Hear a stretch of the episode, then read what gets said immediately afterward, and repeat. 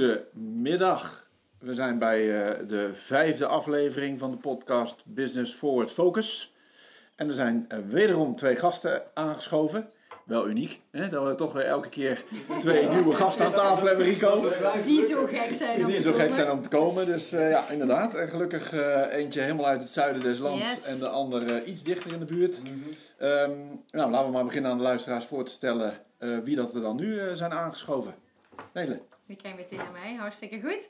Eh, Nele Valkeneers, inderdaad uit het verre zuiden, maar dat zal iedereen eh, meteen opvallen. Die tongval die zit er toch in. Eh, ook een Belgische tongval trouwens. Wel al 17 jaar woonachtig in Nederland. Maar ik kan het natuurlijk niet wegsteken dat ik toch Vlaming ben. Ook trots op trouwens, dus helemaal geen problemen daar. Ik ben ondernemer, twee bedrijven. één moederbedrijf en één dochterbedrijf in Maastricht. Eh To Be Medical en Archimedes. Eh, wij zijn actief in de medical device branche. eh, hebben alles wat te maken heeft met innovatie op healthcare gebied passeert bij ons. Of in ieder geval, daar ligt de interesse om het op te pakken, de dingen mee te doen. We ontwikkelen veel IP, intellectual property. We doen veel consultancy, maar we zetten ook eigen producten op de markt. Ook nu in de hele corona-gebeurtenis hebben we ook een leuk product ontwikkeld, maar daar komt straks vast wel wat meer over. Daarnaast zetel ik ook in de regioraad Zuid van de Kamer van Koophandel. Dus ik probeer daar mee te draaien in het stukje beleidsadvies. eh, meedenken hoe kunnen we eh, het landschap voor de MKB'er nog aantrekkelijker maken op allerhande gebieden. En vooral het stukje innovatie is dan mijn ding natuurlijk. Eh, ik zit ook in een raad van toezicht van een operagezelschap. heel veel mensen hebben vaak zoiets van als ik dat meld van jij en opera. Ik vind opera echt heel leuk. Eh, maar het ging vooral eh, om het stukje ja, vrouw en ondernemer. Hè. Dat komt toch vaak in mijn geval naar voren. Op die voet twee jaar geleden gevraagd en begonnen. En ondertussen is dat een heel mooi, ja, een, een, soort samenwerkingsverband geworden van alle mensen die in die raad zitten. Om samen te helpen die twee mensen die dat hele opera gebeuren eigenlijk van de grond willen trekken op een hele moderne manier om hun te ondersteunen. Eh, getrouwd, eh, twee kids, moet ook melden natuurlijk. Twee dames, eh, eentje is bijna 16 met alle perikelen die daarbij horen. En eentje van bijna 10, eh hele lieve introverte dame met alle perikelen die daarbij horen. Een beetje een HSP'tje. Dus op dat front, ja, gezin, werken. Ik hou van werken. Echt een harde werker, denk ik. Mag ik dat zeggen? Ja, dat mag ik vast wel zeggen. Eh, geniet wel van het leven. Motorrijder puur sang. Ik rij al eeuwen en eeuwen op een eh, R1. eh, dus als het hard gaat, vind ik het leuk. En ik werk daarnaast ook voor Defensie. het ministerie van Defensie, bijna vier jaar ondertussen. Ook als innovatiespecialist. Dus het woord innovatie komt vaak terug. Lijkt wel. Nou, Ja. Ik denk dat we met jou in je eentje wel een hele podcast kunnen vullen als ik zo hoor met al die dingen die je doet. Nee, heel- Ik zei niet met alle woorden die je gebruikt, maar met alle dingen die je doet. Hè. Dus eh, hartstikke Ja. goed. Nou, daar gaan we zo eh, vast meer over horen. Grappig Ja. dat je dan ook dingen bij Defensie doet. Hè. Ik wist dat wel een beetje, maar Ja. dat, eh, dat eh, is dan toch wel weer iets wat eh, hier weer gemeenschappelijk aan tafel is. En dan kijk ik naar links en daar zit de grote vriend Patrick John. En ga jezelf introduceren. Ja, goeiedag. Patrick Vermin, eh, 51 jaar, Learning and Development Specialist. En daarbij dan gespecialiseerd op het eh, communicatieve vlak, de social skills en de soft skills. Daarnaast een hele batterij aan eh, diverse ervaringen. Die komen eigenlijk nu ook goed van pas in deze tijden. Daar gaan we het ook straks vast nog wel over hebben. Maar goed, ik heb dus een, eh, een gevarieerde en brede achtergrond als senior trainer, business team coach, expert facilitator, trainingsacteur, presentator. eh, en verder kan ik ook nog wat andere dingen. Zoals gezegd, ja, die komen nu goed van pas. Hè? Als de een even niet doorgaat, kun je wat anders doen. En, eh, en zo ben ik bezig. Goed, leuk man. Ja, gaan we daar ook zeker meer van horen, want je doet echt bijzondere dingen. Eh, echt ook dingen die nou, wij drie, zoals ik dat dan een beetje weet, kan inschatten, niet doen, maar die doe jij wel. En dat zijn, het zijn hele mooie dingen over de hele aardbol eigenlijk. Hè? Dus eh, vertel daar straks vooral over. Rico, ook eh, even ter intro. Gaan we wel iets korter maken dan de vorige keer, want dit is elke keer eh, Rico Bricio, 42 jaar. Eh, eigenaar van een aantal eh, ondernemingen. Eh, met name zitten we in het ontwikkelen van software, crisis en security management. Daar zijn we in mee begonnen, ongeveer een jaar of elf geleden. En nu een bedrijf wat zich bezighoudt met het ontwikkelen van de soft skills van mensen. Dus daarom sloeg ik aan op jouw Yes. profiel. Gebaseerd op, het, op de opleiding van speciale militairen, specialistische militairen. En dan kijken naar hoe zij worden opgeleid. En dat is dan 90% soft skills. En daar hebben wij een extract van gemaakt en dat zijn we aan het implementeren in het bedrijfsleven. Dat even in het kort. En ik hou ook van motorrijden. Dat doe ik al jaren niet meer. Maar ik heb ook een R1 gehad. Alleen toen ik besloot dat ik uh, wilde leven, heb ik hem weer uh, de deur uit gedaan, zeg maar. Want dat was, ik, eh, ik, en die snelheid, dat is geen goede combinatie, zeg maar. Dat is heel herkenbaar. Ja, ja. echt mezelf beschermen. Ja. Nou ja, ik heb dat ooit eens gedaan, want ik heb twee Hayabusa's gehad. Die oh, rijden ook best door. En om dezelfde reden heb ik gezegd van, nou, dat moeten we eens even anders doen. Dus tegenwoordig mag ik op een, een BMW GS rijden, ook prima. Um, ja, Patrick Waldhuis, uh, eh, 51 sinds een paar dagen. Uh, geweldig. En ook ondernemer. En nou ja, goed, dat is eigenlijk de hoofdreden. Hè, de, de, ondernemerschap wat we hier alle vier mm. zeg maar aan tafel brengt. Want de podcast is nogmaals ook daarvoor bedoeld. We praten gewoon over de dingen die ons bezighoudt als ondernemer. Wat doe je op dit moment? Hoe ga je om met dat wat op dit moment aan maatregelen op ons afgevuurd is? En wat kun je nu al doen voor wanneer die maatregelen weer uh, zeg maar wat weg gaan vallen. Mhm. En alles weer een soort van nieuw normaal of normaal gaan worden. Omdat we hopen met deze podcast op die manier voor de toehoorders ofwel iets te melden waarvan ze zeggen, jezus, van onzin zegt, dat weet ik veel beter. Nou, prima, schuif aan zou ik zeggen.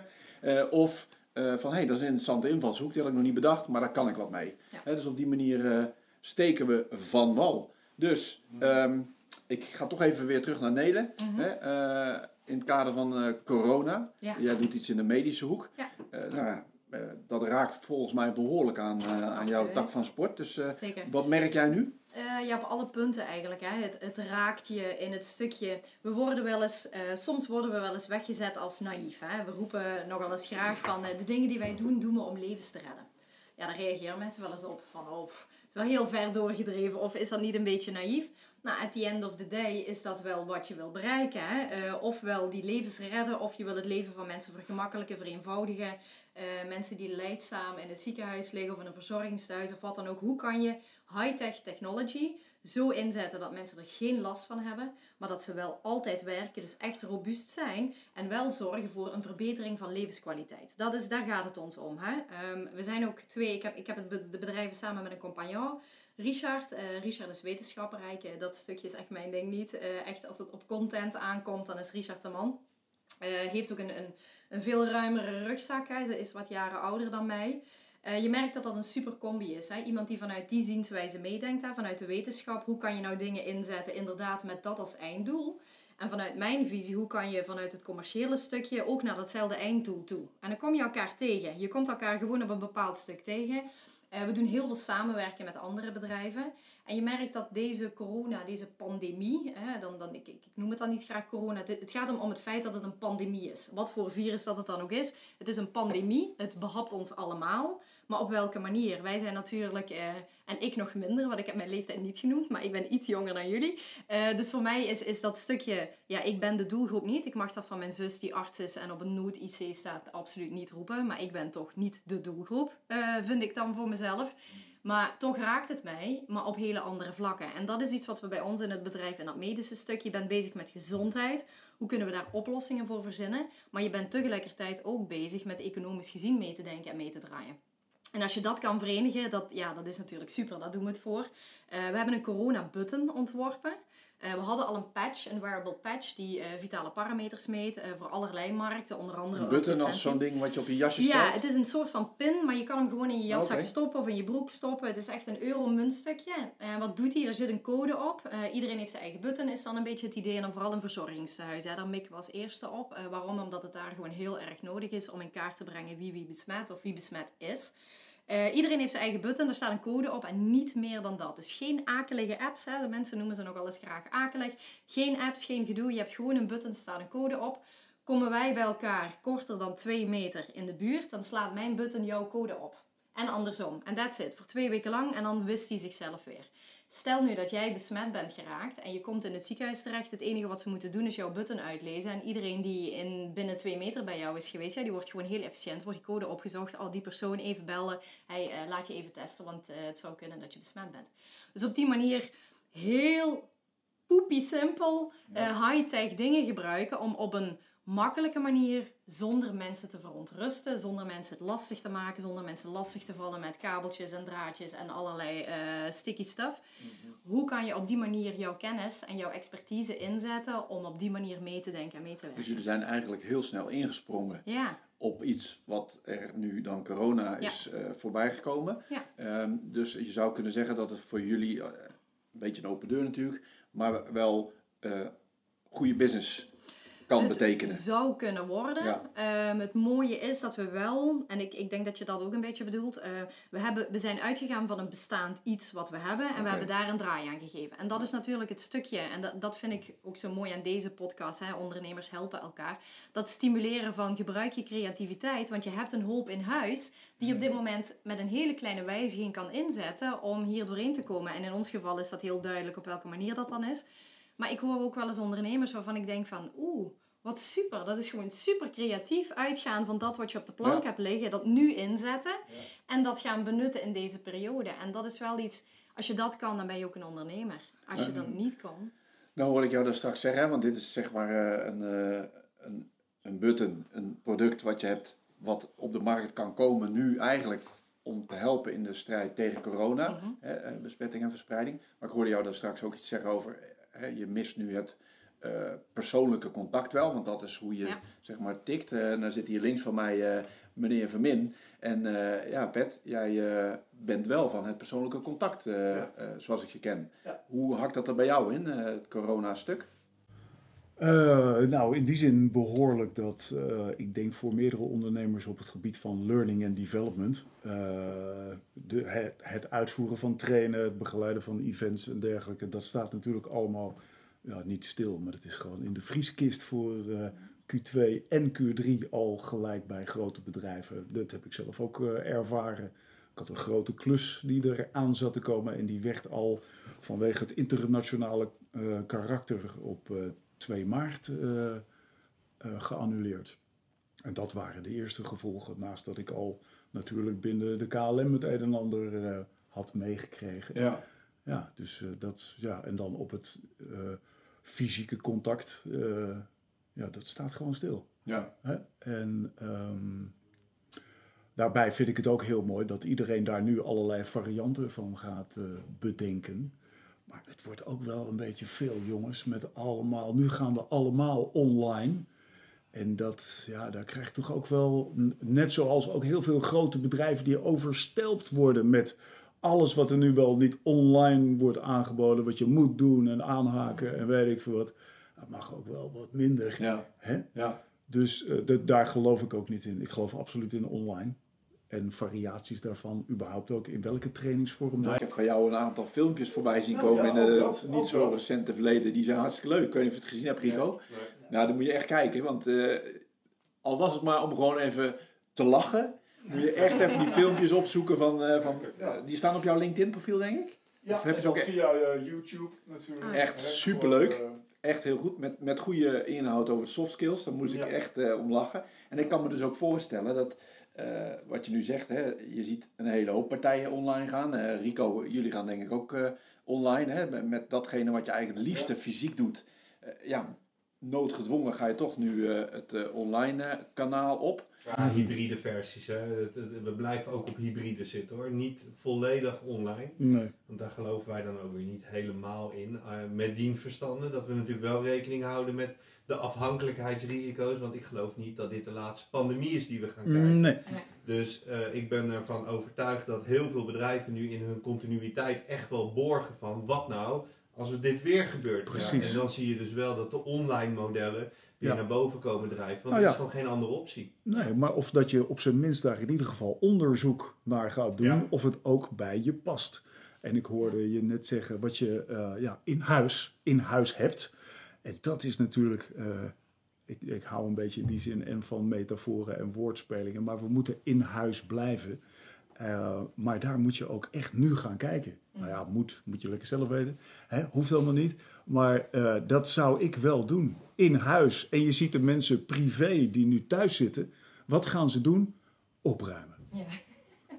zooi, overbodig, eruit. Hè? eh, en letterlijk eh, daarmee dan ook eh, afslanken. Ook dingen tegenkomen van, hé, hey, dat was ik vergeten. Dat is verdomme interessant.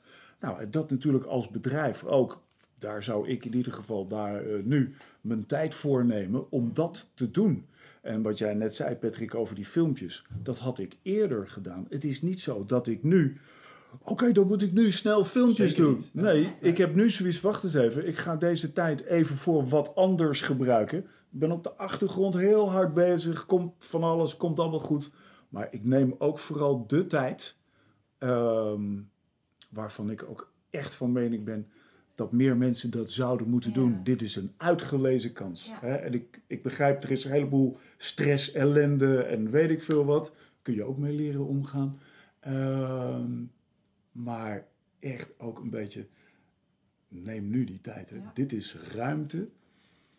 Ik, ik denk dat heel veel mensen meer in een rugzak, in hun persoonlijke rugzak hebben zitten dan dat ze denken.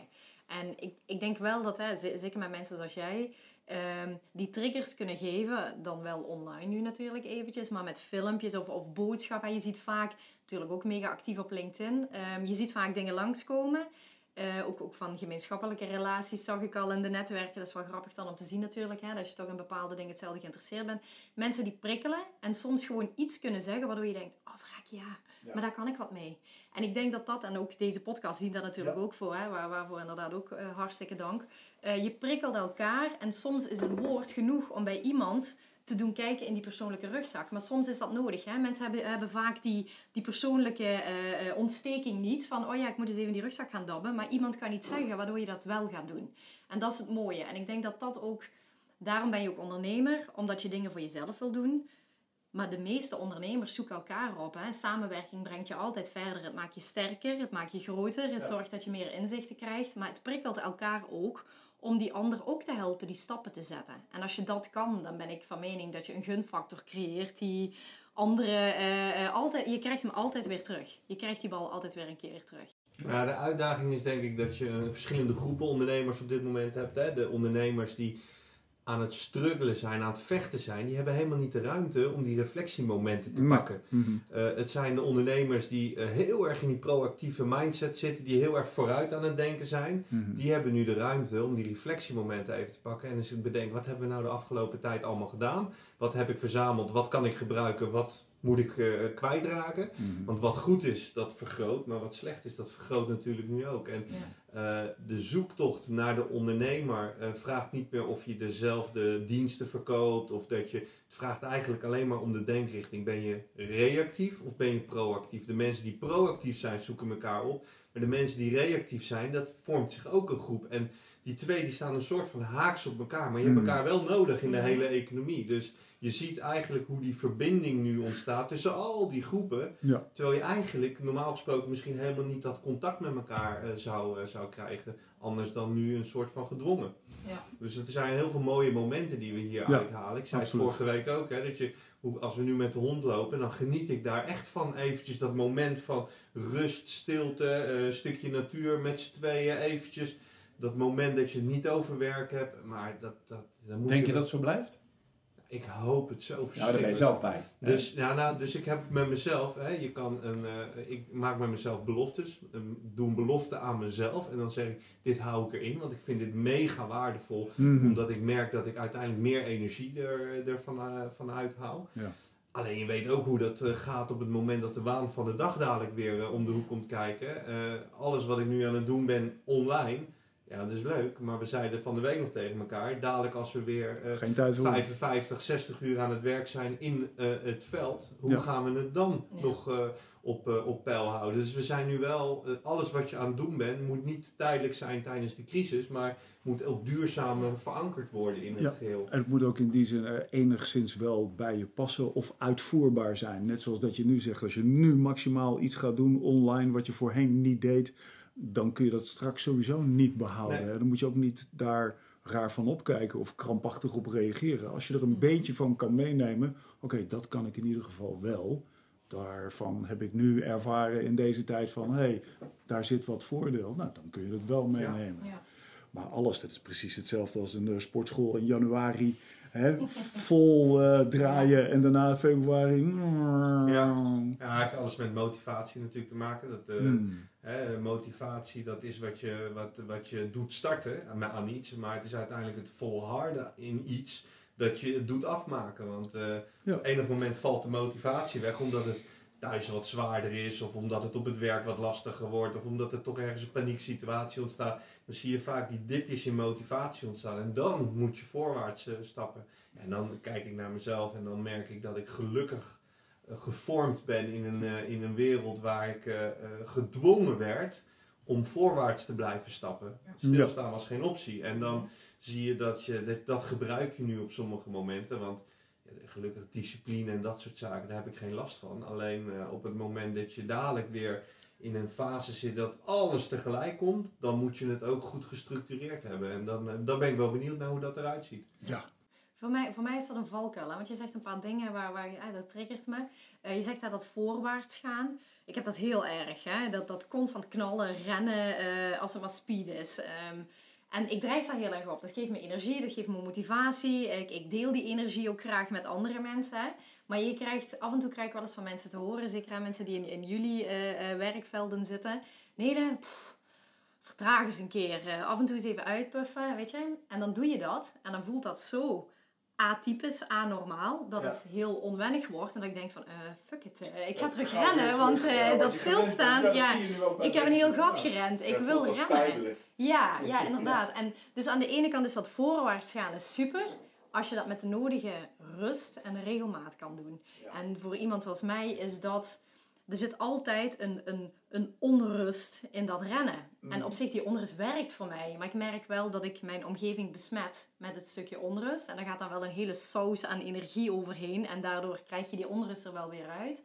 Eh, maar dat is moeilijk. Eh, wat jij ook zegt, hè, dat, dat reflecteren op... Oh, wat fijn, de rust, de stilte, het wandelen. Hè. We, wij ook, we hebben twee honden. Heerlijk om daarmee de natuur in te gaan.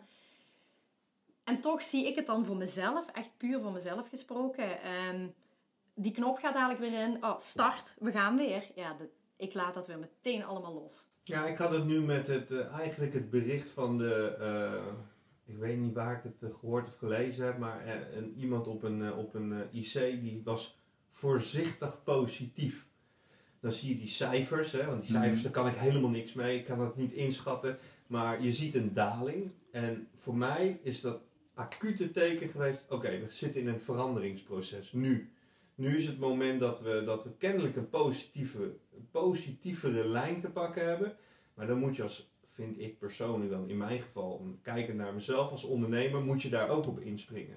En dus ik ben daardoor wel weer eh, meer naar de actievere modus gegaan. Ik was al actief, maar nu nog meer van oké, we hebben nu de afgelopen weken van alles gedaan en nu gaan we naar buiten. En nu Je begint, weer. Het, weer, eh, begint het weer langzamer te komen.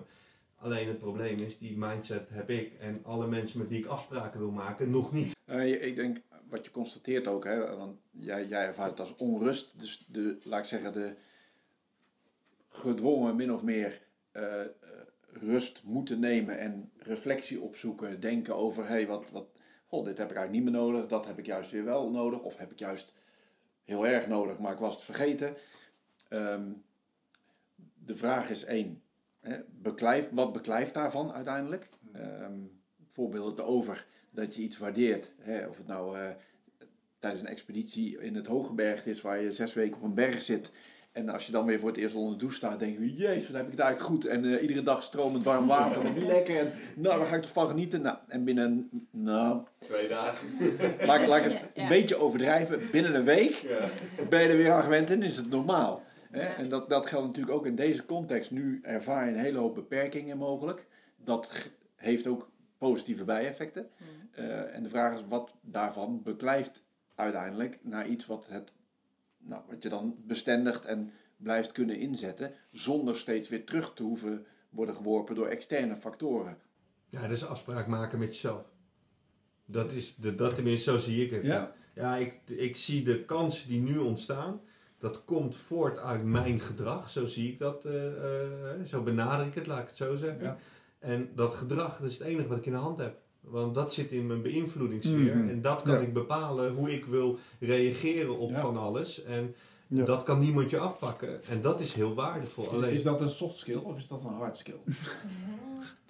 nou, ik Nou. denk dat dat een, eh, een, eh, een, eh, goede vraag zeg.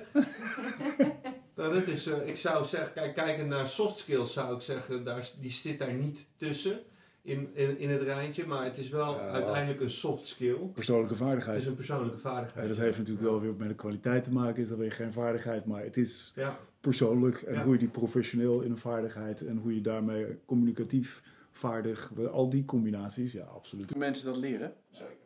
Ja? Ja. Want als ik kijk naar wat jij doet hè, eh, en hoe je dat, eh, ehm, zoals ik je ken, dan in ieder geval met bevlogenheid brengt naar mensen, ehm, kan ik mij voorstellen dat daar waar je, eh, wij zitten nu aan onder- met ondernemers aan tafel die, als ik kijk naar Nelen, nou, business zat en bovendien, ik heb ook nog wel wat andere activiteiten, niet te veel. Maar goed, hè, je, je hebt behoorlijk wat andere activiteiten die je doet. Ja. Voor jou, Rico, geldt hetzelfde. Hè? Je zegt, ik ben bezig met het hybride model. Ik eh, kan in het ene takje van sport kan ik voort. En op de andere manier pak ik straks weer op. Ehm, en ik kan me voorstellen dat ook ondernemers thuis zitten die denken... Ja, godverdorie, hè, wat moet nou? Want eh, ik moest mijn winkel sluiten. Ja. Ehm, Mhm. dat betekent dat ik echt de afgelopen maand nul omzet had. Mijn vaste kosten lopen door, et cetera, et cetera. Dus al die zaken die optellen tot, nou ja, laat ik zeggen, flink wat pijn en mogelijk zelfs erger. Zijn die mensen te helpen? Zijn die mensen, zeg maar, eh, qua skills te helpen, waardoor ze wellicht ook anders kunnen kijken naar de huidige situatie? Ik bedoel, ik zeg niet met dat daarmee de stand op de bank verandert. Nee, maar Maar- daar anders mee omgaan. Maar dat is toch hoe je tegen, eh, ook hoe je tegen problemen aankijkt. Of Ja. dat wel of niet een probleem is. Kun je dat Dat leren volgens jou? Ja, absoluut. Dat wil, dat wil echt niet zeggen dat het allemaal beter eh, Nee. wordt. Maar je kan er beter mee omgaan. Want hoe doe jij het zelf? Nou, het voordeel is, is dat ik eh, eh, door de jaren heen met de nodige zelfontwikkeling eh, daar flink aan heb gewerkt. Ja. En ook nog door de nodige eh shit-ervaringen eh, het nodige mee heb doorleefd. ja. Dus ja, ik, ik weet dat wel een beetje. En eh, dat kun je nooit één op één, want iemand anders die die ervaring niet heeft, daar gaat het niet om. Maar je moet kijken naar de basics, waar iedereen iets mee kan. Want dat is wel, eh, dat is natuurlijk de slogan, hè, buiten je comfortzone, daar eh, groeien. Nou, daar wordt iedereen nu ingezet, daar waar jij in je leven mogelijk al dingen hebt meegemaakt in eh, het verleden, die ervoor gezorgd hebben dat er aan jouw eh, ja, vaardigheden werd gesleuteld om maar eens wat eh Dus dat is, te worden. ja, maar dus, dus dat is goed opgerekt. Ja. Maar het is nog steeds het oprekken van de comfortzone. En het is niet zozeer dat ja, ja buiten de comfortzone, dat snap ik wel. Maar het zit hem op het randje. Je moet op eigenlijk, daar, daar opereer ik graag, op het randje. eh, omdat ik daar, oké, dit is spannend. Maar dan ook niet omdat ik zo graag eh, de, de, de, de spanning op wil zoeken. Zo'n thrillseeker ben ik helemaal niet. Laat mij maar lekker, eh, hè, dat hoeft allemaal niet. Maar ik weet wel, als er bepaalde dingen zijn van, joh, kun je dat doen? En ik denk van, ik heb geen idee. Dan ga ik het toch doen. Ja. En daar leer ik gewoon heel veel van. En dan kan ik ook zeggen van, nou, oké, dit was het dus echt helemaal niet. Hè? Eh, Dat is ook, maar dat is ook vooral eh, het eerlijk zijn naar jezelf. Ook als iemand nu denkt van, nou, ik heb nu van alles eh, gedaan. Elke dag een filmpje gemaakt. Ja, ik ben er wel klaar mee, want ik geloof niet dat dit hem is. Nou, dan, dan ben je daar ook achter gekomen. Precies. Dat is mooi. Ja. Ja. Dus, Ja, ik, ik zie in mijn kring ook hè, dit, hè, heel verschillend. Hè. Dit is een hele, ik, ik vat dit als een hele positieve zienswijze op. Hè, van eh, lessons learned, kennen we allemaal natuurlijk als term. Eh, van kijk naar jezelf, wat je gedaan hebt, wat je nog wil doen, wat je van plan bent om te gaan doen. En maak inderdaad je keuzes. Dit past bij me of dit past niet bij me. Maar dat is inderdaad wel, het, het moet een vermogen zijn. Hè. Je moet dat kunnen. Hè. Ik- Dat is inderdaad wel heel moeilijk Ja, hoor. En ik wil daar ook dat niet. Nee, ik wil daar ook absoluut aan toevoegen. Net zoals eh, ja, eh, de ene die heeft de, de focus eh, voorwaarts en de andere denkt van ja, kut, ik zit in de ellende. Maar voor sommige mensen, ook die mensen met de focus voorwaarts, die mogen ook wel een keertje gewoon even janken. Ook wel gewoon even shit, ik weet het even niet. Tuurlijk. Dat geeft niet. Misschien is dat wel eh, juist heel goed. Ik, ik denk zelfs als je zo, dat noem ik even een breekpunt dan. Hè? Als je zo'n breekpunt hebt, vaak komen daar de goede oplossingen. Ja, en dat Of weten de mannen hier ook oh wat ja. een breekpunt Ja. eh, met je kan doen. Ja. Nou, wat ik nu heel erg heb, wat ik gewoon niet weet, is waar staan we nou? ik heb helemaal geen verstand van een pandemie. Nee. Ik heb geen verstand van virussen, maar ik moet wel een beoordeling doen over de stand van zaken nu. Ik krijg eh 781 pushberichten, nou trouwens niet, maar die, want die staan al lang uit. Maar als ik eh, social media kijk, krijg ik 781 meningen op een dag over hetzelfde feit. Eh, ik hoor economen iets zeggen, denk ik, ja, ze hebben gelijk. Ik hoor virologen iets zeggen, denk ik, ja, ik denk dat ze ook gelijk hebben. Ik zie de hele wereldbevolking in een kramp schieten, dat is ook niet voor niks. Mhm. En ik denk, gooi in godsnaam die economie open. Ja. Maar dat Mhm. is een instinctief gevoel wat ik heb. Ja. Maar ik weet helemaal niet of het goed is. Dus ik, Nee. Ik had, eh, sorry. Nee. Ik zat afgelopen zaterdag zat ik in een videocall. eh 17 Vlamingen over in het buitenland. All over the world. eh, in een gesprek over hoe gaat het land waar Dat jij was woont. eigenlijk end-to-end cryptie, want niemand kon het begrijpen behalve die Vlamingen zelf. Nou, ik Dat vond jouw reactie op mijn post. eh amai, ja, ja, amai. Voor mij was het even thuiskomen. Eh, maar eh, dat punt wat jij nou benoemt, hè, ehm, dat, dat ieder land gaat er anders mee om. En dan krijg je natuurlijk de vragen, eh, zijn wij niet verondersteld om als Europa dan, even de rest van de wereld even niet erbij betrokken, om als Europa joint op te treden? Want dat zijn we vanuit de militaire context gewoon. Hoezo doen we dat dan nu niet met zo'n pandemiebestrijding? Hè? Dat is al één. Twee is, eh, ik hoor ook allerlei experts aan het woord en dan denk ik van ja, die man of vrouw heeft daar enorm hard en lang voor gestudeerd. Die zal het vast wel weten. Maar het probleem is dan natuurlijk dat je ook binnen die specialisten heb je natuurlijk ook verschillende visies en Ja. zienswijzes. Die mensen eh, die doen onze regering informeren en die regering wordt dan geacht om een antwoord te geven op iedereen zijn vragen. Ja, Kansloos. dit, ja, dit kan gewoon niet. Maar ik vind ook mijn eigen weg daarin. Hè? Dus ik, heb, ik, ik, ik voel me er comfortabel genoeg bij om dan van al die plukjes informatie een globale koers eh, te, te krijgen. Ik focus me voornamelijk op mezelf, want dat is het enige waar je controle over hebt. Al die andere factoren weet ik gewoon niet. Maar wat ik gewoon heel lastig vind is, ik hoor ondernemers dan, of ik zie onder, of lees ondernemers dingen roepen. Dat, daar zit een bepaalde urgentie in, noodzaak. We moeten open. Dat snap ik, hè? dat gevoel herken ik wel her en der. Maar wat ik zo moeilijk vind, is dat, is dat dan de goede keuze? Want wat gebeurt er als we nu ineens open gaan en we volgende maand in één keer weer in een verslechtering zitten, dat we nog langer in deze ellende zitten? Of moeten we nu op onze tanden bijten en doorgaan? Ik heb werkelijk gewoon geen idee. En er is geen enkel moment tot nu toe geweest dat ik dacht, dat is de route. Ja, ik had eigenlijk ook een vraag aan jullie eh, beide heren. Ehm, omdat jullie dit nu een paar keer hebben gedaan. En we zijn steeds week in, week zijn we verder. Hoe sta je er nu in toen de, toen de podcast begon? Ja. Want ik hoorde jou volgens mij, Patrick, op een gegeven moment ook zeggen... Of, eh, of schrijven van, oké, nu ben ik er echt wel even een beetje klaar mee.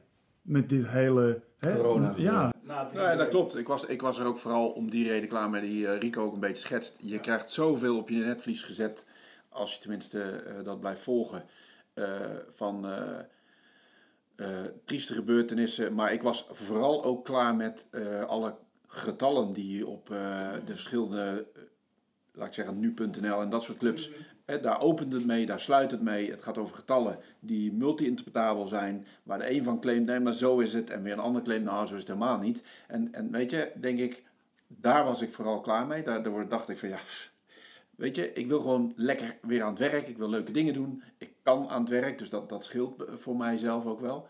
Maar in de gesprekken die hier eh, ter tafel komen, eh, ben ik eigenlijk ook altijd wel op zoek naar eh, de... de de opties om iets moois ervan te maken. Eh, dus niet het gejank, want dat ken ik onderhand wel. En eh, ja, er gaan mensen dood, maar dat is aan de orde van de dag. En mind you, buiten dat hele coronavirus gaan nog veel meer mensen dood. Aan allerlei dingen waar we ook niks aan doen. Dus moh, daar, daar, daar ben ik klaar mee. Ik wil gewoon lekker door. Ik gun alle ondernemers, hè, en we kennen er een hoop, eh, waarvan het niet iedereen even goed gaat. Nou, die gun ik gewoon dat ze ASAP weer iets bedacht hebben ongeacht welke eh, eh, keuzes er gemaakt worden door de overheid, maar snel iets bedacht hebben waar ze in ieder geval weer inkomen wil genereren. Hè, dus ik zie dat bij jou, doordat je aan de ene kant wordt stilgezet, een soort van, en dat gebruik je hè, om, om eh, te gaan nadenken en, en dingen te ontwikkelen die je straks goed kunt gebruiken. Maar tegelijkertijd zie ik je ook wendbaar zijn en zeggen van, ja, maar wacht even, schoorsteen moet roken, dus ik ga nou gewoon dit doen, want dan verdien ik ook mijn centjes mee. Ja. Hè, en en dat, dat soort acties vind ik super gaaf om, om eh, te zien en te horen. En dat, dat kenmerkt, vind ik, de ondernemendheid van een persoon. Hè, of je nou ondernemer bent of niet, dat is vers 2. Maar de ondernemendheid van iemand die zegt van nou, En nou ga ik gewoon dit Ja. doen, want dan gaat mijn verantwoordelijkheid nog steeds door. En ik heb nog steeds de centjes op de plank. Ja, fantastisch. Ja. Wat dat dan ook is. Ja, dat kan Ja. echt wat anders zijn, want ik ben ook in die zin heel wat anders gaan doen. Eh, gelukkig, omdat werkelijk op het grootste gedeelte van mijn vakgebied ligt alles stil. Trainer, trainingsacteur, eh, noem maar op. Eh, veel collega's die hebben gewoon, hè, als dat hun hoofdinkomsten zijn, en die werken allemaal freelance, zijn allemaal ZZP'ers, mooi. Maar de enige, laten we zeggen, trainers die nog in vaste dienst zijn, als ze geluk hebben bij hun opdrachtgever dat die het een paar maanden kan betalen, dan. De rest gewoon allemaal niet. Hè. En dan is er de, een mooie eh, subsidie of vergoeding. En als dat de, de minimale 1500 is, ja, sorry, daar kan ik het echt niet, daar haal ik het niet mee. En even los daarvan, want ik ga mezelf niet op de borst kloppen van, nou kijk, ik heb iets heel moois en slims, eh, ludieks bedacht. Ik had daarvoor, voor corona, had ik al mijn portie ellende. En daarin had ik ook zoiets van, ja, niet, niet weerhouden door ego of wat dan ook. Ik pak wat ik eh, pakken kan. En volgens mij heb ik de vorige keer zei Samantha hierover, nou dan ga ik wel putje, putje scheppen of zo. Dat is gewoon de, Ja. de instelling. En zo ben ik ook bezig. En dan verdien ik tenminste nog net iets meer. Is ook tricky, want dat houdt je ook een beetje af. Mhm. Want dan ben je aan het werk. Want dat houdt je ook een beetje af van, oh ja, shit, ik moet eigenlijk, oh ja, moet ik niet iets bedenken voor daarna, hè, voor straks. Maar het is ook goed en daarom ook even dat moment van, nee, het is wel goed zo. Laat me gewoon even dit doen. Hoeft niet na één of twee weken gelijk weer, weet je, laat het maar even zo zijn. En kijk ook wat dat eh, oplevert. Ja. Maar noem jij dat plan B? Nee, ja, ik ben daar niet zo, ja, opties. Ik vind het gewoon opties. Ja. Ja. Eh, Het is niet van, oh, oké, als A niet lukt, dan heb ik nog plan B. Ja, natuurlijk. maar Ik heb ook eh, C en, en 3 en Ja. Q. Maar die wendbaarheid, dat is ook net wel, denk ik, een beetje, want jij benoemt het ook, hè, het kenmerk van de ondernemer. Die wendbaarheid om inderdaad, eh, je komt even in een shit, shit, shit situatie terecht. Nou, even analyseren. Oh shit, dit is een probleem, dit is een kut situatie, wat ga ik hiermee doen? Oh, ik heb die en die kansen, nou die pak ik, daar ga ik voor. Dat, dat is toch ook een beetje het DNA van de ondernemer, toch? Om dan te zeggen van, dit is hem, die weg volg ik. En dan is dat maar eventjes een ander pad dan wat je daarvoor bewandeld hebt.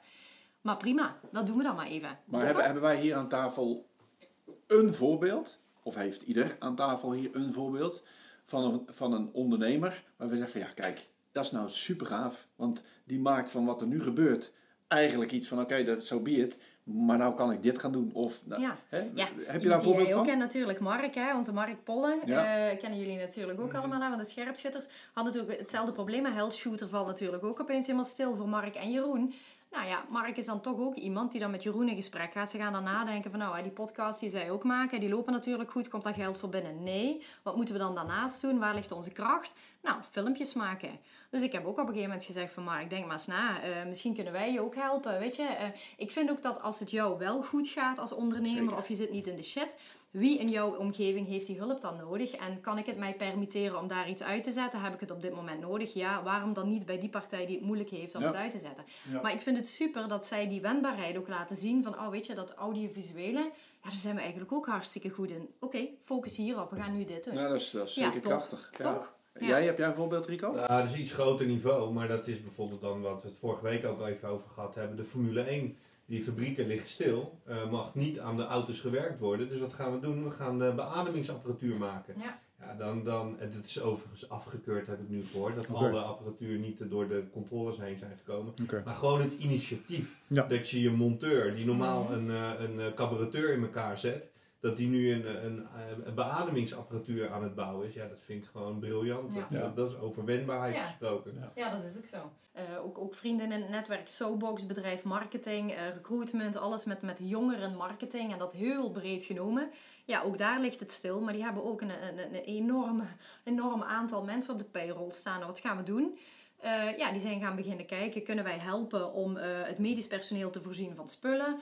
Eh, maar ja, goed, dan kom je natuurlijk in een tricky fase van op- op welke manier kan je mondkapjes of beschermende kledij gaan inwerken en, en zus en zo ook een aantal keer over gebeld. En ik, ik was in het begin een beetje weerhoudend. Hè? Dan denk je toch van, oh ja, zo van die mondkapjes gaan halen vanuit China gaat dat wel goed. Nou, ondertussen hebben ze daar een gigantische business mee opgezet. Dan denk ik van, nou, prima. En ook heel duidelijk de keuze gemaakt.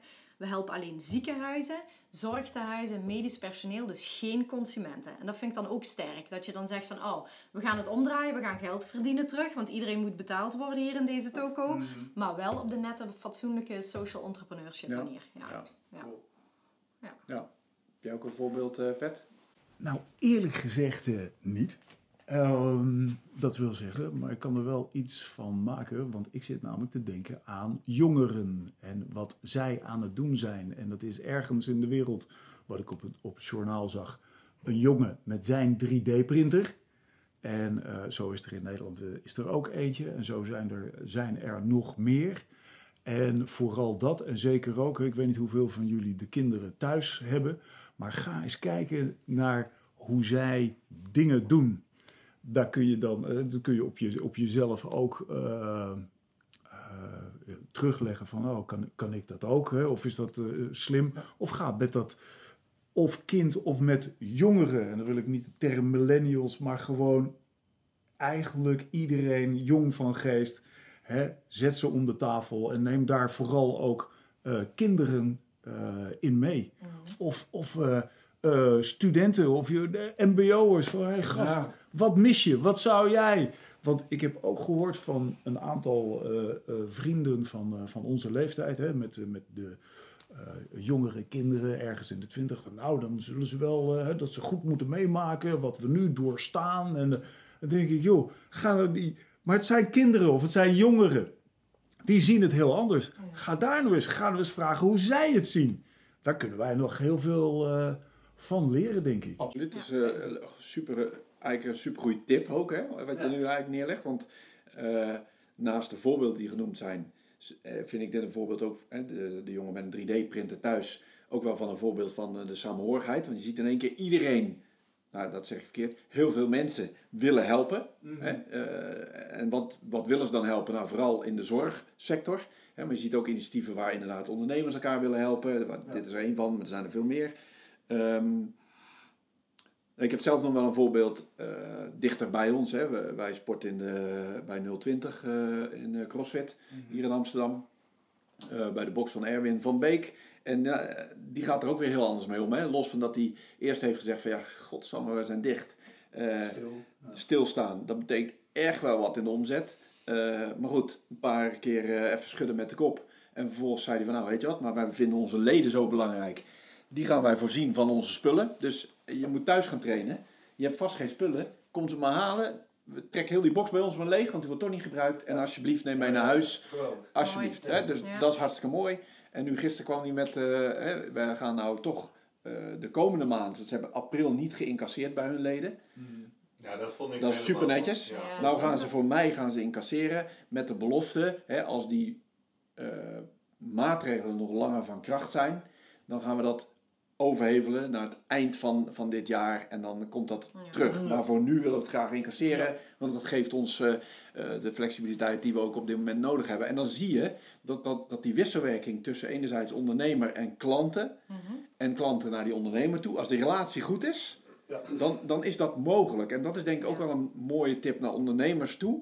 Als je het ruk voor elkaar had met je klanten, ja, dan, ga je, dan ga je daar nu pijn van hebben. Ja, maar inderdaad op maar de andersom. relatie. Ja, ik heb je het goed voor Ja. elkaar met klanten, dan wel zorg nou dat je het goed voor elkaar hebt met klanten, dat die relatie goed is, dan kun je samen ook door dit soort dingen heen komen. Ja. En dan kun je wat dat betreft echt ook dingen weggeven. Want je krijgt het terug, omdat je snapt, het is de relatie. Ja. En ik vind het echt een geweldig initiatief. En zo meerdere. En zo zou ik alleen maar hopen en ook willen vragen. En ook zeggen van, dat zouden meer mensen moeten doen. Ja. En dat zouden dan vooral, als het over het moeten is, dat zullen grote bedrijven daar eens naar gaan kijken. Want er zijn ook een heleboel, er zijn nu al lijstjes zichtbaar van grote bedrijven die het echt ruk hebben geregeld. Die hun leveranciers niet gingen betalen of weet ik veel wat allemaal. Al die kleine ondernemers. Ja. En juist al die kleine initiatieven, die vinden we allemaal zo geweldig. Hè? Dat is echt, eh, dat, dat, dat raakt ons. Of het nou een kleine jongen is, of bij mij in de duin- en bollenstreken. Dat ze bloemen uitdelen naar de zorg, waar je, al dat soort dingen. Of eh, de kroketten gaan die kant op, weet ik veel. Top, allemaal. Hè? Eh, ja, menselijke initiatieven. En dan zie je toch die grote corporates. eh, dan zal ik niet het bij naam noemen, maar een, een zekere luchtvaartmaatschappij. Die dan sowieso niet in 30 dagen, maar pas na 60 dagen betaalt. Die zijn nu aan het overwegen, goh, zullen we in de toekomst niet na 90 dagen gaan betalen? Nou, sorry hoor, dan, dan echt, dan zou ik het liefst hierbij Ja, ja. Ja, er zijn ook, er zijn ook eh, eh, eh, een beetje voorstellen geweest naar die grote, naar die corporates toe. Hè, van hey, er zijn allerlei Dit is de maatregelen. tijd. Dit Ja. is de tijd om te laten zien wat Ja. je in je mars hebt. Eh, waarom, zeker in onze regio, hè, zijn er een aantal grote bedrijven geweest die echt specifiek de vraag hebben gekregen om geen gebruik te maken van de maatregelen vanuit de overheid. Dat over te laten aan echt de in de knel zittende bedrijven. Heel eerlijk, ook wij hadden bij 2B Medical en bij Archimedes, Archimedes is echt een start-up nog, hè, ook wij hadden recht, als we het zwart op wit hadden we ook recht gehad op allerlei dingen. En wij hebben met z'n tweeën, we hebben elkaar digitaal, virtueel in de ogen gekeken en gezegd van, hebben wij dat nodig om dit te doen? Nee, dus doen we het niet. Ja. Anderen hebben dit nodig, wij niet. Ja. Ook al hadden we er echt waar, we hadden, we waren ermee doorheen gekomen letter, om, ja. ja, het, het, het, en dat, ho dat hoeft helemaal nu, ja, nu vertel ik het, maar ik, ik ga het echt niet op LinkedIn pleuren hoe fantastisch, eh, geweldig, eh, social entrepreneurship eh, gedachte dit is. Maar waarom doen die grote bedrijven dat niet? Hè? Waarom laten ze dat niet los om gebruik te maken van die maatregelen, terwijl het niet echt noodzakelijk is om die economie mee te ondersteunen? Zeker dadelijk, hè? om die pot niet helemaal leeg te trekken. Nou, Ja, ja, so- sorry, even daarop Ja, sorry. op aanvullend is dat, eh, laten we zeggen, als we zometeen weer meer en meer aan het werk kunnen, de schade die is eh, toegebracht, vooral bij, eh, of het nou kleine ondernemers zijn of eh, gewoon mensen die echt in de problemen zijn gekomen, die gewoon echt niet meer kunnen vreten, die de huur niet kunnen betalen, die op straat staan. Hè, dat, dat is echt nog wel langer voelbaar. Dus ik denk dat daar nog een veel groter potje voor opengetrokken moet worden om die er doorheen te helpen. Het komende half jaar, als het niet in ieder geval drie maanden zijn. Nou, Ja. ik- volgens mij, ik hoorde van de week een econoom van de ING zeggen dat het eh, werkloosheidspercentage met 125% gaat stijgen voor het einde van het jaar. Ja. Dus dan ga je van eh, 300.000 werklozen ga je naar 700.000 eh, werklozen. Eh, en wat doet dat met de buffercapaciteit van een overheid? Ja. En eh, kijkend naar die corporates. Die corporates zijn vaak zo groot geworden omdat ze hun eh, processen ontzettend goed en strak hebben afgekaderd. Dat maakt dat die enorme groei, die hockey, dat hockeystick effect, dat ze dat hebben weten te bereiken. Maar de wendbaarheid is daarmee nou, minimaal geworden. Eh, dat is hun kracht, maar direct ook de zwakte. En op het moment dat Ja, maar nu- moet, sorry, maar het moet dus ook kost wat kost behouden worden. Ja, maar ik denk dat Het dat vasthouden het aan het hoofd. proces. Ja, maar dat is precies hetzelfde. Dat is het grote probleem. Want dit, een pandemie of wat dan ook, er komt nog wel meer. Ja, er komt nog veel meer. Alleen wat ik zeg, de, de, de- het succes hangt dus aan die processen. Ja. En wat in de squeeze zit, is die human factor. Ja. Het gaat niet meer over de mensen, de creativiteit van de mensen. Nee. Het gaat over het proces. En als we dat tweaken, wordt het nog rendabeler, nog beter. Maar elke keer wordt die mens naar achteren Ja, gedrukt. Ja. En, en de creativiteit die je nu nodig hebt, is menselijk en niet vanuit processen. Want de processen en de protocollen konden in de, in de, in de donkere kamer, want het eh, laatste bladzijde was eh, omgeslagen. Wat zou jouw advies dan zijn op dat terrein richting bedrijven, of ze nou corporate groot zijn of MKB? Wat zou jouw advies zijn op het domein wat je nu beschrijft? Alles wat nu eh, human factor is, moet leidend worden in een gehele organisatie. Dus in plaats van, eh, in plaats van eh, dat je gaat kijken naar management systemen of naar software systemen of naar allerlei protocollen, wat je wil is dat, en dan spreek, spreek ik voor, eh, voor eigen parochie natuurlijk, maar eh, kijken naar een, een militaire eenheid is gebaseerd op de creativiteit van de mens. Alles wat daar zo aanwezig is aan materiaal, aan ondersteuning, is erop gericht om dat individu te laten excelleren. Dat maakt een zo'n grote organisatie als het ministerie van Defensie ontzettend wendbaar. Tot een bepaalde hoogte natuurlijk, dat snap ik, want ook daar zitten rigide processen in. Maar als je gaat kijken naar de feitelijke uitvoering van het werk, gaat het over mensen. En alles is in, het, in de ondersteuning om dat mens daarin te laten presteren. En dat is anders dan de bedrijven die in, het, uh, in een corporate omgeving aan het, uh, aan het werk zijn. En dan gaat het ook, want ik, ik wil er toch even op inhaken. Ja, wij, wij zijn natuurlijk, kijk naar Patrick, wij zijn natuurlijk ook alle twee actief in die adaptieve krijgsmacht. Hè? Dat, dat stukje defensie wat heel graag wil uh, adapteren, flexibel zijn, wendbaar zijn. En net daar hoor je heel vaak het geluid dat dat, ik noem dat altijd human capital. Hè? Want, want eigenlijk is dat de waarde van je bedrijf zit in de humans, hè? In, in de mensen die je hebt. Dus dat is human capital, human factor. En net daar horen wij heel veel geluiden dat de human capital net niet de eer en, en, en, en de aandacht krijgt die ze verdienen. Ja, terwijl jij net benoemt, nou in die beroepsorganisatie gaat het hem net om die human. Want daar zonder zijn we natuurlijk als defensie helemaal niks. Hè. Op uitzending gaan zonder mensen is, is ja, misschien in de toekomst dan wel uh, mogelijk, maar nu nog niet. Binnen die adaptieve krijgsmacht wordt heel erg gekeken van hoe kunnen we ook op sociaal innovatief vlak die human terug naar voren duwen. Hè? Dat menselijke, geeft ze de aandacht en, en de waarde die ze verdienen. Uh, net zoals nu natuurlijk geroepen wordt dat de zorg al die jaren achterwege is gebleven. Hij heeft de aandacht niet gekregen die ze verdiende, al helemaal financieel gezien niet. En nu worden ze opeens naar de voorgrond getrokken. Dus hoe ga je als overheid, als ministeries om met die twee tegenstrijdigheden. Het is een duaal eigenlijk iets. Hè? Uh, je kijkt naar de mens als zijnde de grote kracht en het capital van je onderneming, bedrijf, instituut, ministerie, wat dan ook. En aan de andere kant zijn er in het verleden natuurlijk heel veel tekortkomingen geweest naar die human factor toe. Maar nu moet die human factor wel acteren en ageren. Zie je dat, zie je dat een gedragen mening zijn? Zie, hè, want jij adviseert het nu. Jij haalt het ook aan. Uh, bij Defensie staat natuurlijk... In ieder geval op papier de mens centraal. En dat zie ik ook uh, in het HR-domein wel gebeuren. Um, het is eigenlijk ook koren op jouw molenpet, want uh, je bent bezig met die soft skills, dus ja. de human uh, factor of het ja. menselijk kapitaal zoals het vroeger heette. Ja. Um, is een gedragen mening? Zie je dat dat inderdaad nu toch wel begint op te borrelen nou, en dat men. Uh, dat, dat wil ik gelijk. Nee, uh, het is al een tijdje gaande en de, de, de uh, onderzoeken van de Harvard Business ja. School en dergelijke. Het is allemaal zo, al, al, het, het, geen twijfel over mogelijk. Ja. Hè? Deze eeuw staat eigenlijk ook in het teken van. Maar men doet het nog niet. Nee, nee. maar dat komt ook. Het is niet omdat ze het niet willen, maar het is ook dat ze het nog niet kunnen. Mm. Hè? Dus ook degene qua HR en het uh, aannamebeleid. Uh, je moet ook letterlijk mensen dan de ruimte geven. En dat vinden ze heel eng. Ja. Ruimte te geven van, om naar een mening te vragen. En dan vervolgens, oké, okay, ik heb er naar gevraagd, maar ik ga er niks mee ja. doen. Hè, dus de, het, het, zit hem echt in die ruimte. Okay, dus en ook zelf voor. nieuw leren. Ja, ja, maar ik heb zelf ook uh, in die zin met het solliciteren, omdat ik mijn uh, ZZP-achtergrond uh, na 20 jaar al eerder gedag wilde zeggen en me toe wilde richten, fulltime intern en dan helemaal losgaan. Heb ik in dat sollicitatieproces, man, dan dan wordt er gewoon nog steeds old school gekeken. En dan zeggen ze wel, ja, je cv is maar 20%, want het gaat om de mens. Nou, er wordt gewoon naar 80, zo niet 95% gekeken naar het cv. En je moet vooral niet raar afwijken, want dan, dan snappen ze het niet meer. Dus het is, het is heel moeilijk.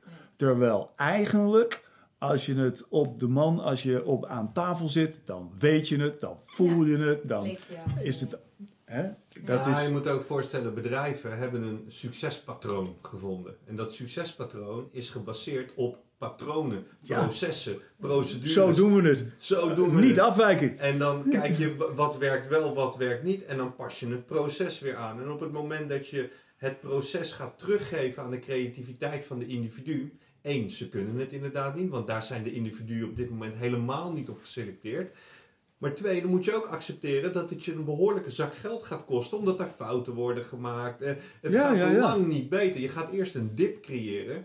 Alleen daarna ga je een enorme groei uh, krijgen, omdat die interne organisatie, dus uh, Stephen Covey zegt de circle of influence, die ga je zo sterk maken dat die naar buiten gedrukt gaat worden.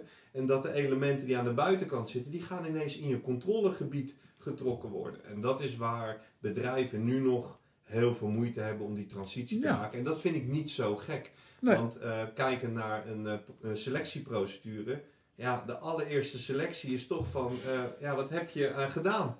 En als je een bakker nodig hebt, dan ga je niet met een programmeur in huis. De andere kant is het, kan die bakker misschien, of kan die programmeur misschien dusdanig veel menselijke vaardigheden bijbrengen in, in dat hele team. Dat het hele team gelift wordt. En het kunstje bakken, dat kan je die programmeer dan ook wel leren. Ja. Ja, het zijn andere visies. Ja. En dat kun je tot een bepaalde hoogte doen. En eh, als je kijkt naar een bedrijf, dat het 70% zijn generalisten. Daar draait het bedrijf op. En die overige 30 en eh 30% die zit verdeeld aan de voorzijde en de achterzijde. Dat zijn die specialisten. Ja. Dat zijn de consultants, dat zijn de hoogopgeleide. Dat zijn de special forces militairen. Die zitten in die uiterste. Maar die heb je nodig om daar omdat daar heel veel van de strijd gewonnen wordt. Maar die 70%, daar zit de kracht, dat is de motor, daar zit de pk. En die kan getuned worden, zeggen wij dan. Dus, dus als ik het mag samenvatten, zeg maar wat deze boodschap betreft. En volgens mij, we zitten op eh 55 minuten, dus veel mooie eh, famous last words, die maken we er dadelijk wel van. Maar dat, dat je zegt van ehm, de, de, een key message voor degene die zit te luisteren zou zijn, hè, ga nou stilstaan bij dat menselijk kapitaal. Ga nadenken over wat kun je daar nou anders, beter in doen om mensen in hun kracht te zetten en eh, eh, daadwerkelijk eh, ehm, zeg maar te laten excelleren. Ja. eh, zonder dat je processen zeg maar, daar direct leading in moeten zijn. Ehm, mijn vraag daarbij is, nou van jou weet ik het Rico, jij hebt daar eh, eh, kijk op en je kunt daarin adviseren. Patrick, als ik jou bel nu of morgen of overmorgen met de vraag, joh, ik heb een aantal soft skills nodig, kun je mij dat op afstand ook leren? Wat is dan je antwoord? om, een, om een begin mee te maken, zeker. Oké, heb je er ook tijd voor? Absoluut. Want dan gaan we eh, het gesprek aan en dat is altijd goed. Want voordat ik een geweldige pitch ga houden hè, en de problemen Ja, dat is en, niet de bedoeling. en dat, dat hele verhaal, moet ik toch weten wat er speelt. Ja. En eh, wat iemand, eh, waar diegene tegenaan loopt of wat de wensen zijn. Nou, ik vraag het ook voor de toehoorders. Als die denken, god, Ja, die Vermin, die wil ik wel bellen, maar die heeft geen tijd, want die is nou andere dingen aan het doen. Ja, nee, nee. Dat maakt is, tijd. dat, is, dat is absoluut. En de grap is, daar sta ik eh, in die zin volledig voor open en ter beschikking. Daar kun je me ook letterlijk, Ja. daar kun je me s'nachts ook voor wakker bellen. Want dit is gewoon wat ik, eh, zoals ik het zie. Ja, heel goed. Precies dat. Nele, wat ga jij de komende tijd doen? Eh, ja, knallen. We gaan natuurlijk die corona-button, eh, die komt er. Eh, knallen, voorwaarts, rennen, speed.